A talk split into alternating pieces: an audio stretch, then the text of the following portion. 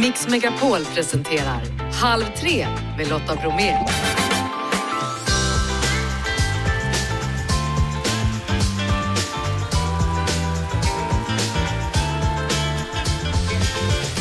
Hallå där och varmt välkommen in i Halv tre-studion. I dagens tisdagsmix, Gargamel-trenden. Tjuvtagna bilder sprids på TikTok. Daniel Paris förklarar.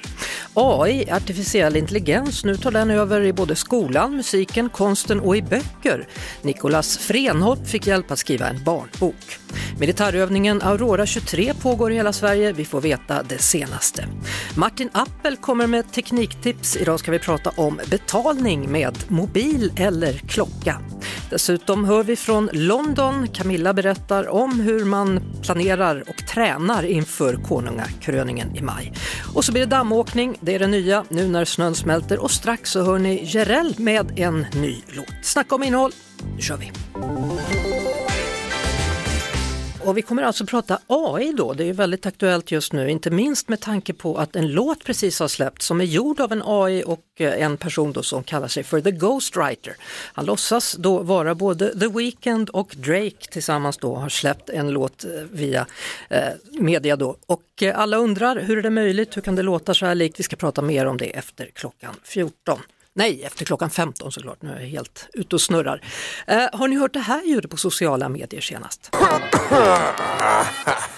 Gargamel. Ja, på TikTok så har trenden Gargamel Snipes gått varm senaste tiden. Med oss i studion nu Daniel Paris. Hallå där, Hej. välkommen! Hej! Tack snälla. Förklara, vad är Gargamel Snipes? Alltså det är en ganska oskön trend skulle jag säga som helt enkelt går ut på att man smygfotar människor när de kanske sitter på ett café, är mitt i en tugga, är ute och går med sitt barn eller en rullator, handlar mat i kön. Ja men oförberedda situationer och så zoomar man gärna in och så lägger man på då det här Gargamel-ljudet. Och Gargamel är ju inte känd för sin, eh, sitt supermodelliska utseende. Nej. Han är ju inte känd för det. Så det är inte en helt snäll trend. Nej, har, har du lagt upp något sånt? Det har du inte va? Nej, nej, det har jag inte gjort. Men jag har sett en hel del Garga Snipes. Ja, vilken ålder är de här människorna som utsätts? Alltså de som utsätts är väl ja, men, från kanske min ålder, över 30-strecket, till, ja, men, jag har sett ganska många äldre och sådär också. Det är en ganska oskön trend och sen så måste man också tänka på att så här, det är ju faktiskt så att det finns de som inte ska eller bör fotograferas, som har skyddad identitet och som man inte, man ska inte veta vart de är eller vad de gör eller så. Och eh, de människorna måste ju ändå gå till mataffären eller gå, kanske gå en promenad eller sådär. Va- Varför har det fått spridning det här?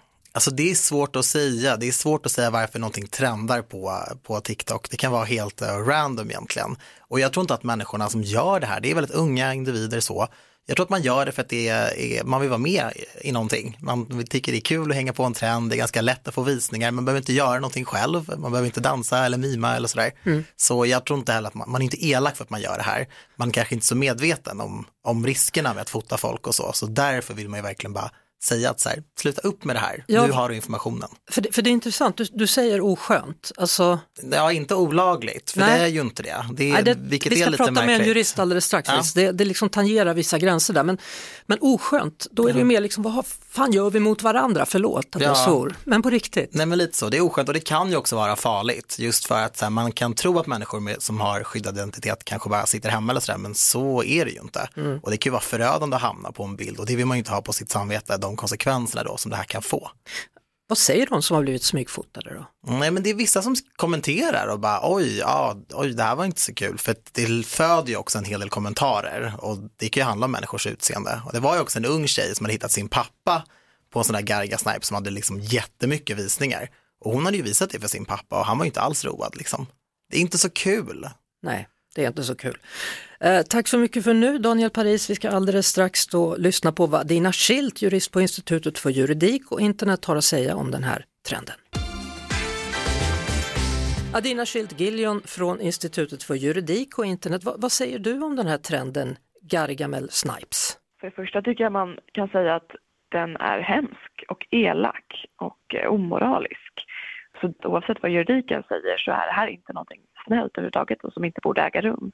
Får man ta den här typen av foton? Ja, alltså det intressanta om man ska säga rent juridiskt med Gaga Snipes är att det finns två delar rent juridiskt. En är ju hur får man fota andra när de inte vet om, alltså någon typ av smygfotografering eller smygfilmning. Och enligt huvudregeln så får man göra det. Man får smygfota andra människor eller smygfilma i offentligheten. Det finns vissa undantag när man befinner sig i väldigt privata rum, i sitt hem, i omklädningsrum, på toaletter där man förväntas få vara helt privat. Det kan vara ett brott som heter kränkande fotografering men annars så får man smygfilma och fota.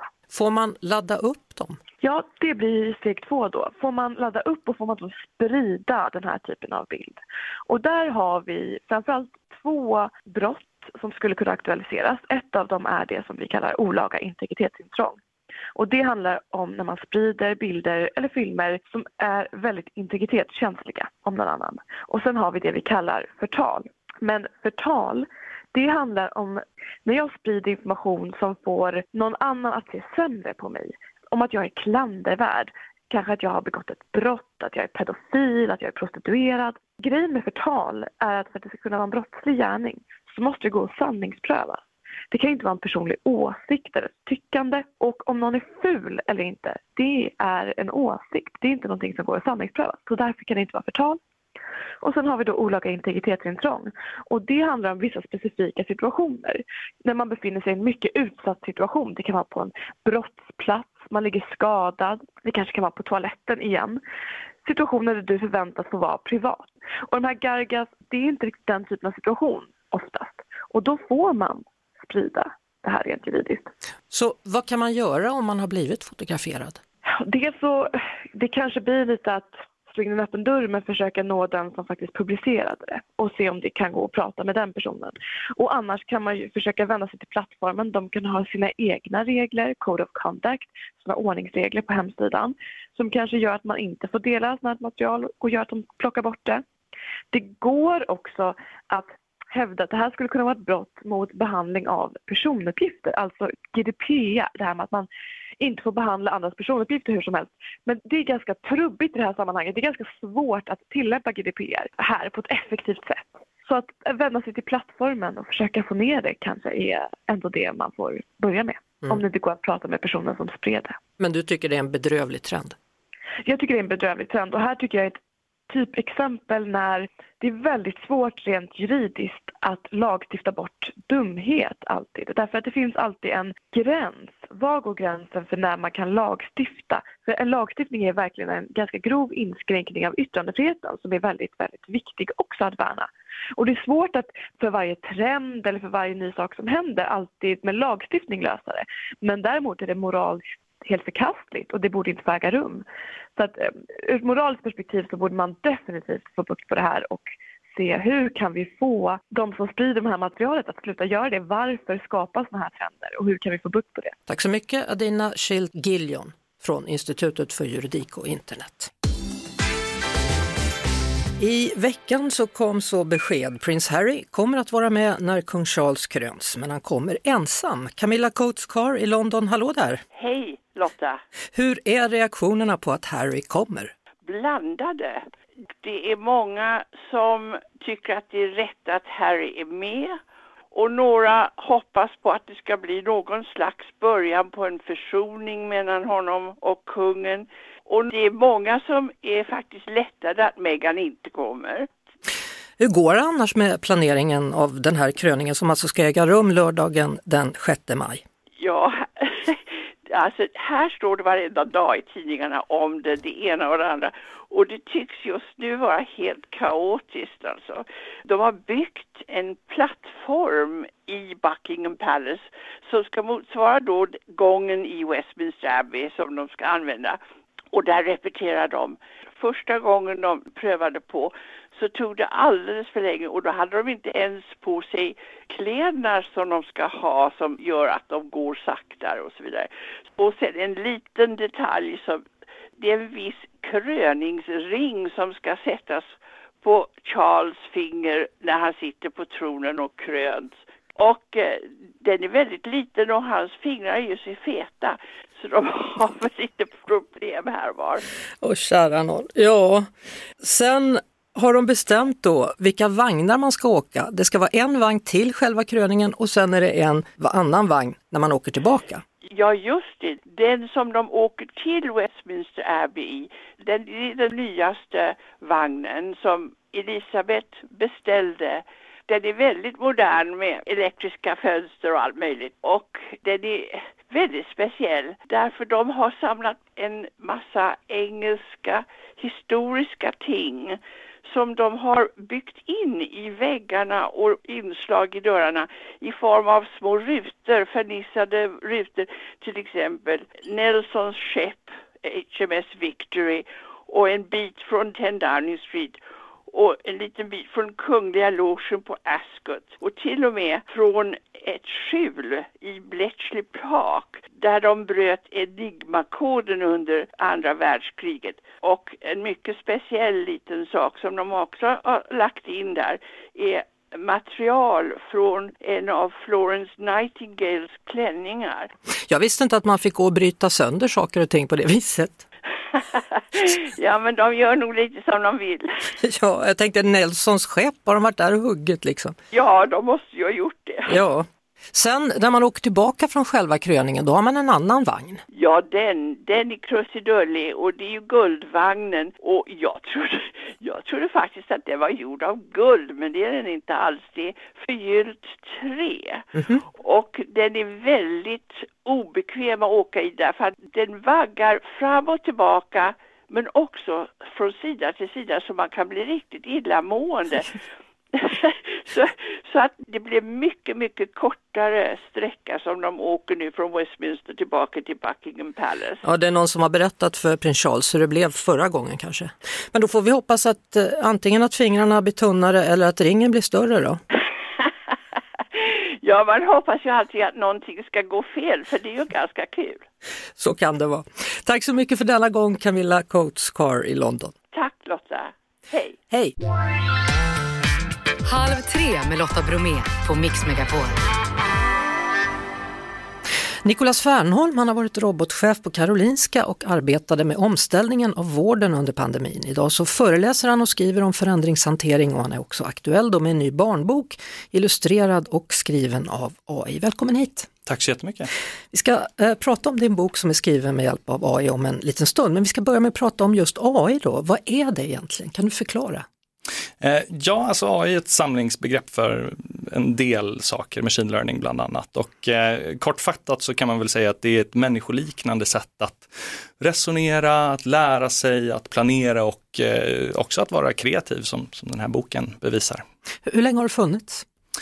Eh, AI har funnits under eh, många, många år. Jag tror nog att det var, jag kan, kan ha fel med det, men jag tror att på 60-talet som egentligen det började blomstra kring AI. Och sen så har AI genomgått hyper och sen vintrar har man kallat det där ingen har gjort någon AI-forskning och nu är vi återigen inne i en, en hype-cykel kan man säga. Alltså, när jag första gången hörde talas om det, det kan ju vara i sådana här science fiction-filmer tror jag, man tittade på framtiden och då ska allting styras av robotar och vi människor blir överflödiga. Mm. Är det därför vi liksom har någon slags rädsla, tror du? Eh, ja, jag tror nog att eh, AI egentligen symboliserar en ganska stor förändring i samhället, vilket det mest troligt kommer att innebära. Och, och den förändringen, när vi står inför sådana här stora förändringar, så tenderar vi att bli ganska rädda. Eh, för att förändring runt om oss kräver ju förändring av oss. Och det är inte alltid smärtfritt att förändras själv, men ibland så kan det faktiskt vara bra för oss att vi förändras. Mm, och nu då? Nu är det AI-snack i stort sett varje dag. Ja. Varför just nu? Eh, det är ju främst på grund av eh, det här nya eh, AI som har släppts som heter ChatGPT 4 är då den versionen som är ute nu. Och den har ju överraskat nästintill hela allmänheten kring egentligen hur kraftfullt det här verktyget är. Och det är extremt kraftfullt och man kan hitta på jättemycket saker som gör en mycket mer produktiv och snabbare och mer kreativ också. Ja, vi har pratat om det både ur den aspekten som du säger nu, ett kreativt aspekt, och vi pratat om, men vi har också pratat pratat om att skolorna och lärarna nu reagerar och undrar mm. vad händer nu med våra elever? Går de ut och tar hjälp här? Mm. Eh, jag skulle nog garanterat kunna säga att de, de gör det och eh, jag skulle nog säga att de bör göra det. Eh, alltså eleverna ska använda det här verktyget, de ska bli experter på det här verktyget. Om skolväsendet förhindrar våra svenska liksom, unga elever att bli experter på de här verktygen, då är svenska skolsystemet ett stort felkliv. Där kom en brandfackla. Vi ska fortsätta prata med Nicolas Fernholm alldeles strax. Och det är Nicolas Fernholm som är dagens gäst. Han kan det mesta han om AI och kastade just ut en, som jag kallade det för, då, brandfackla. Du tycker att man ska lära sig det här i skolan och refererade till någon amerikansk Precis, så en, en, professor i Wharton Business School för några månader sedan eh, gick ut och tvingade alla hans elever att använda det här verktyget. Tvingade dem att använda det. För att han som professor måste ändra om sättet han lär ut på grund av det här. Inte tvärtom. Inte att vi ska begränsa de nya verktygen som gör eh, eleverna mycket mer effektiva och kreativa utan man ska, mer, man ska uppmuntra det snarare. Mm. Och, och, då gjorde jag en parallell då med miniräknare och då gjorde du en parallell ännu längre tillbaka som handlade om eld och tändstickor. Mm. Mm. Ja, alltså, är det så vi förändras genom tid? Förklara. Vi, förändrar, vi, vi, vi höjer ju egentligen eh, behovstrappan kan man säga utav vad är det för typ av kunskap som är relevant att veta idag. Och vi kan ju inte som ett samhälle samla på oss all baskunskap som vi bygger på som fanns sedan tidigare. Så för 70-80 år sedan så var det jätterelevant att veta hur man gör en eld ute i skogen när det är blött och jäkligt. Eh, och eh, farföräldrarna på den tiden tyckte säkert att det var jättedåligt att eh, deras barnbarn inte vet hur man gör det när de inte har för att de använder tändstickor hela tiden. Så vi, vi liksom höjer ju kunskapsnivån, mm. vad det är för kunskap som vi behöver premiera och dra fram och det här är en sånt, sånt nytt skifte. Vi har ungefär samma då, Elvis han började röra på höfterna, det var helt nytt, sen kom Beatles, de hade långt hår och sen nu då, det här kom för någon dag sedan. Och här kan man då tro att det är artisterna Drake och The Weeknd som har gjort låten. Men det är AI. Ay,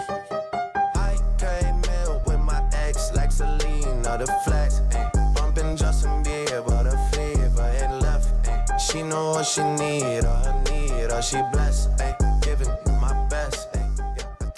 Och de som kan sin Drake och The Weeknd de säger att man hör ingen skillnad här på rösterna utan man tror att det faktiskt är dem. Det kan ju vara ett trick, det kan vara ett kommersiellt trick men troligtvis är det då den som kallar sig för Ghostwriter som har använt sig av AI och gjort den här låten. Ja, det skulle inte förvåna mig om det var, det var helt genererat av AI.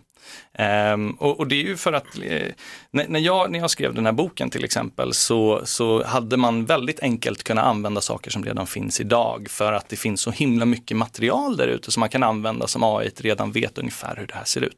Eh, men för att skapa någonting helt nytt då behöver man oftast frånsäga sig egentligen att använda de här väldigt kända varumärkena och kända personerna för att faktiskt kunna skapa någonting som, som inte använder specifikt deras material. Så att säga. Ja, men hur, hur ska man tänka då kring det här? Jag menar, jag själv inbillar mig att jag blir gladare av en låt som jag vet är med The Weeknd och Drake, ja. än att det är någon liten AI-människa eller vad det nu är för någonting, robot som har gjort det här. Ja. Eh, det, det, finns faktiskt forskning som har gjorts på det här. För drygt 15 år sedan så, så studerade man hur människor reagerade i en magnetröntgenapparat för att se deras hjärna när man visade dem konst. Och sen så sa man då innan att den här konsten är skapad av människor och den här konsten är skapad av en robot. Och vad man såg då var att våra hjärnor blir mycket mer stimulerade på ett positivt sätt när man får se konst som genererat av en människa snarare än en robot. Så där finns det ändå en väldigt stor hoppfaktor kring egentligen mänsklig kreativitet. Och sen för att tillägga här också är det ju att det är drygt 30 år sedan som Blue, eh, eh, som Deep Blue egentligen spöd Kasperov i schack. Kollar vi fortfarande på schack idag? Klart att vi gör det. Mm. Schack är mer populärt idag än vad det någonsin har varit tidigare. Eh, alla känner ju till eh, Magnus Carlsen. Liksom. Eh, så, så, bara för att AI blir bättre på någonting behöver inte betyda att mänskliga värdet helt försvinner. Det är Nicolas Fernholm som sitter här bredvid mig, eller snart mitt emot mig då, i Halv tre-studio denna dag. Och du har skrivit Sveriges första barnbok helt skapad av AI som mm. heter Trisse Traktor. Trissetraktor ja. ja. Och då är frågan, vad gav du för instruktion till din AI-kompis? Först bad jag den om att så här, skriva en barnbok och då gav den fram ganska tråkiga så här, Lotta Lotta har en boll och hon kastar. Ja, det var jättetråkigt, så det tyckte jag inte var värt en, en barnbok. Så då, då, fick jag ge den lite mer instruktioner som var att det, det ska handla om eh, att, att, lösa problem i sin liksom, vardag för ett barn. Eh, och den ska vara liksom för, skriven för ett barn också. Mm. Eh, och då kom den fram till Trisse Traktor och sen så fick jag hjälpa den lite på traven att så här, ge mig manus, eh, jag vill ha en till tre meningar per sida så gav den fram det sakta men säkert. Eh, så på 20 minuter så hade jag manuset klart för boken och sen tog det drygt 15 timmar att få fram alla illustrationer. Så på två dagar så hade jag boken klar. Och vem har illustrerat den? Vad sa du? Vem har gjort illustrationerna? Eh, det är ett annat AI som heter Midjourney som är baserat på Dalle 2. Eh, så den har helt genererat bilderna också. Så det är dina nya vänner? Du har en som gör dina bilder och en som gör din text? Ja, absolut. Ja.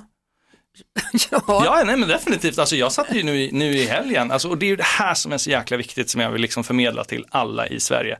Vi måste börja leka med de här verktygen. Vi måste uppmuntra alla att faktiskt använda de här typen av eh, verktyg. För att det här är framtiden. Mm. Och om vi liksom enbart fokuserar på det som är läskigt med det, för det är lite läskigt, men om vi bara fokuserar på det som är läskigt, då kommer ingen närma sig verktygen.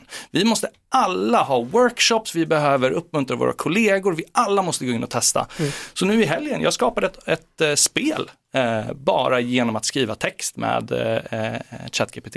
Mm. Gick, gick på två timmar. Vad säger sambo? Ja men jag sitter ju lite för mycket med det här ja. Så hon är inte jätteglad på mig och, och ja ja Niklas, jag vet att du har skapat någonting nytt. Ja ja kom nu, så. nu ska vi käka. Ja. Men apropå att du då eh, föreläser om förändringshantering, var mm. inte rädda, det är det du vill ge oss.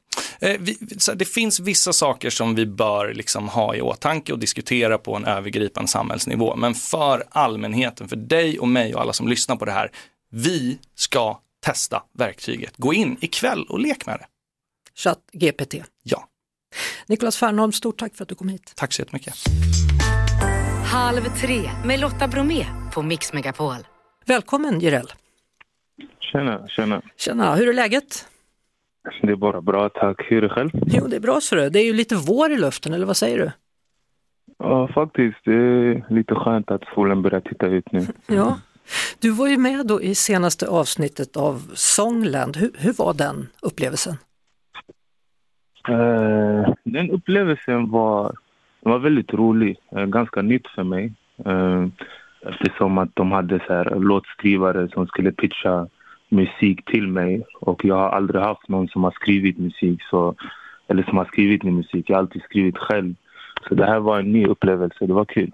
Hade de tänkt på dig när de gjorde själva texterna? Hade de fått några ledtrådar av dig eller var de fria att göra vad som?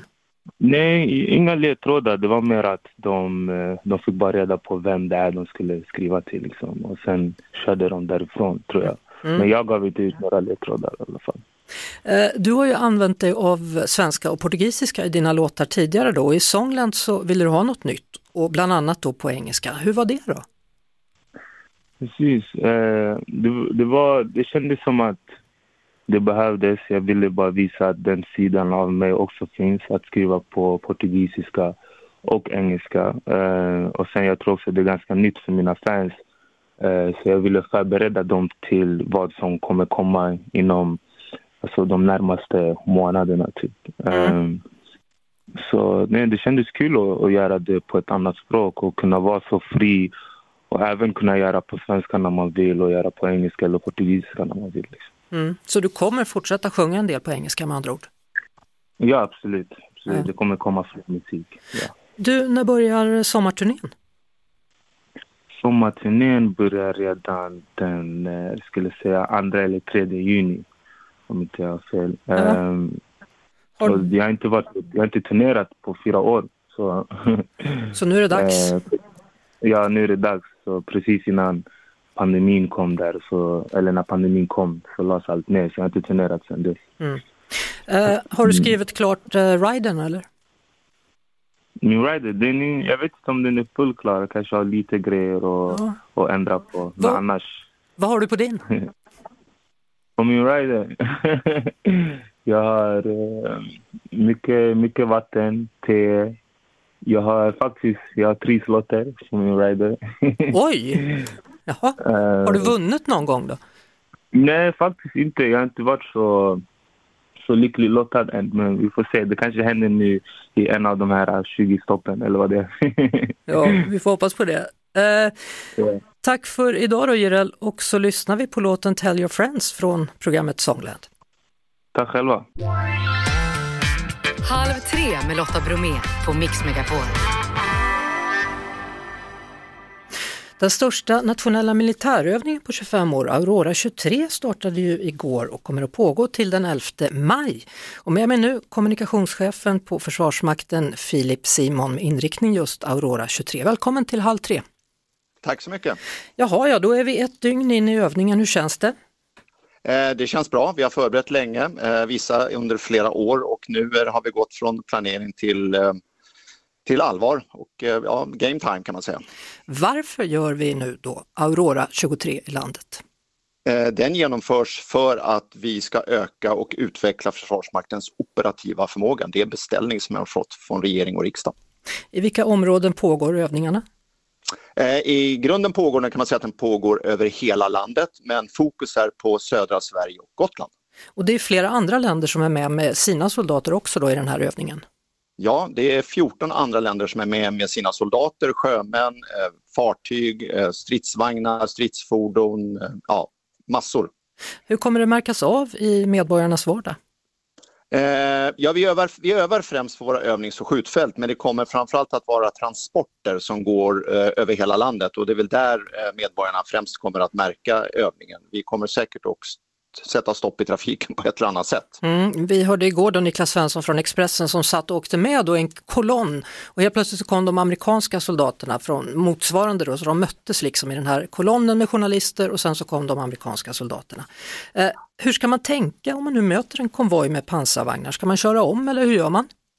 Eh, man ska iaktta försiktighet och helst låta kolonnen få genomföra liksom, transporten dit den ska och inte försöka hoppa in emellan fordonen och så vidare. Det är, det är tunga fordon, det tar tid att bromsa och förarna ser inte eh, eh, lika bra som kanske en vanlig personbil. Jag vet ju när det har varit sådana här övningar tidigare, det händer ju att folk faktiskt tror att det är på riktigt och blir nervösa när det helt plötsligt kryper en militär i, på innergården.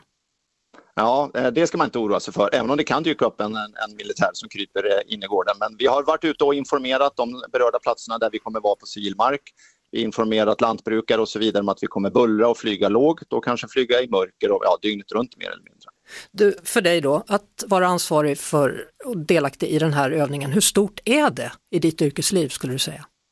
Ja, men det tycker jag är väldigt stort. Eh, framförallt med 14 internationella eh, partners som är med här och vi ska sams- eller synka kommunikationen och berätta för ja, svenska folket och deras länder eh, hur det går i övningen.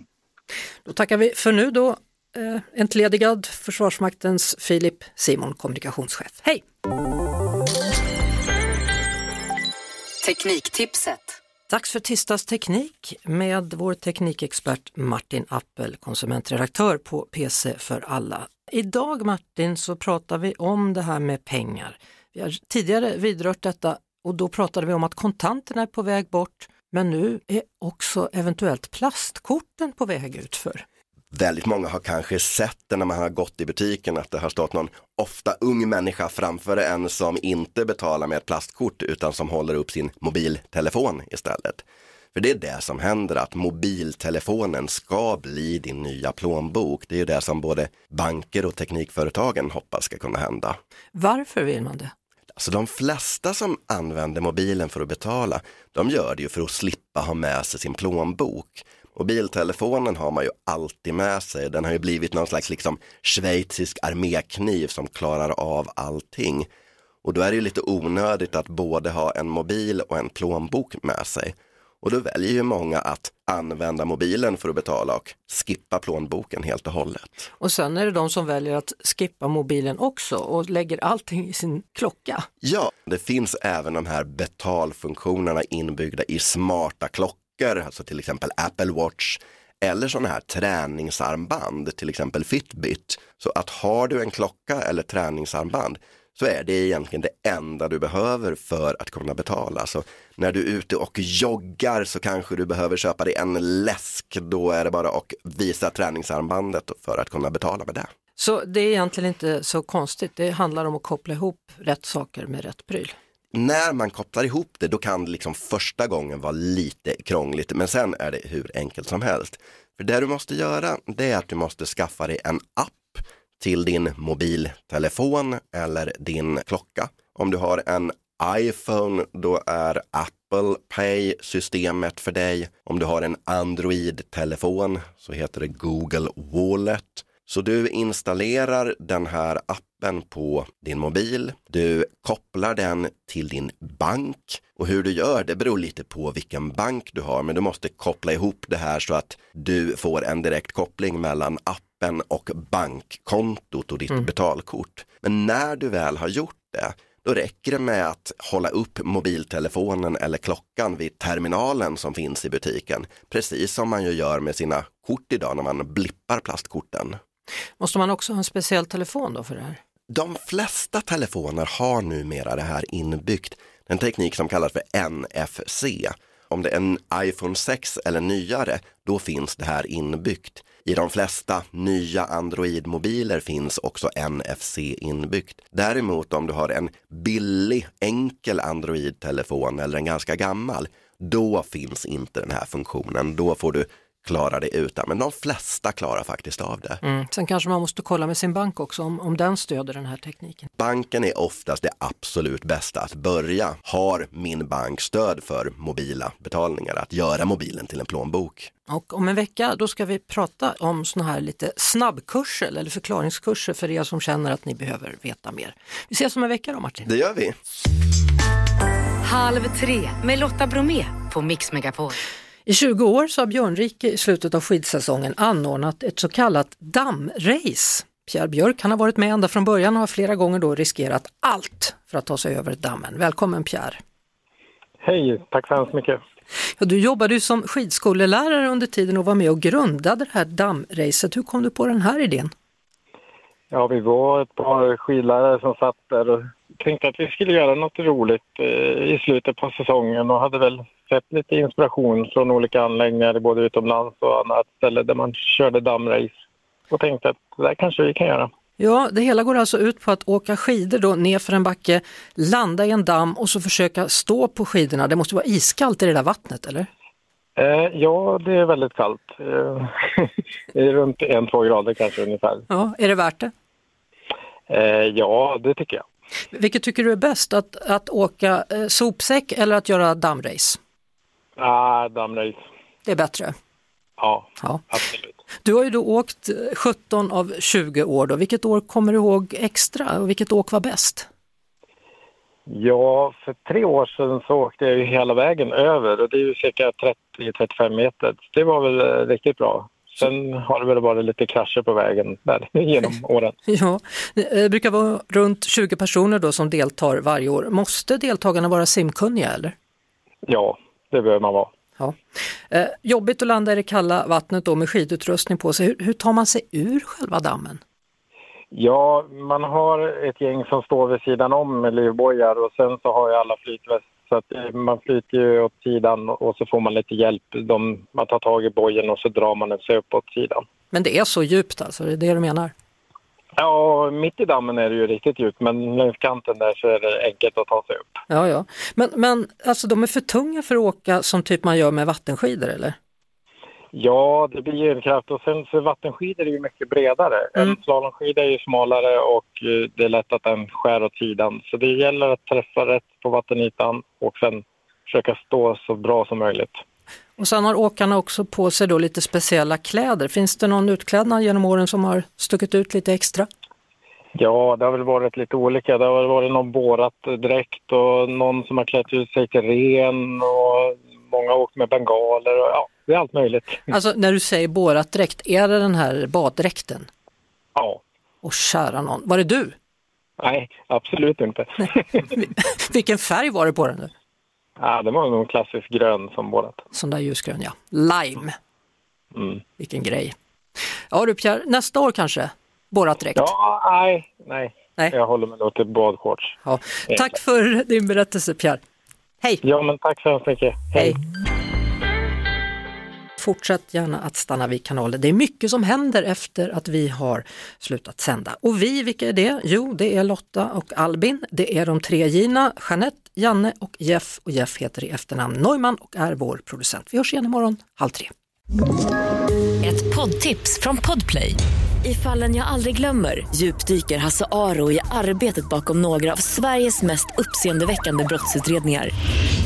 Går vi in med hemlig telefonavlyssning och, och då upplever vi att vi får en total förändring av hans beteende. Vad är det som händer nu? Vem är det som läcker?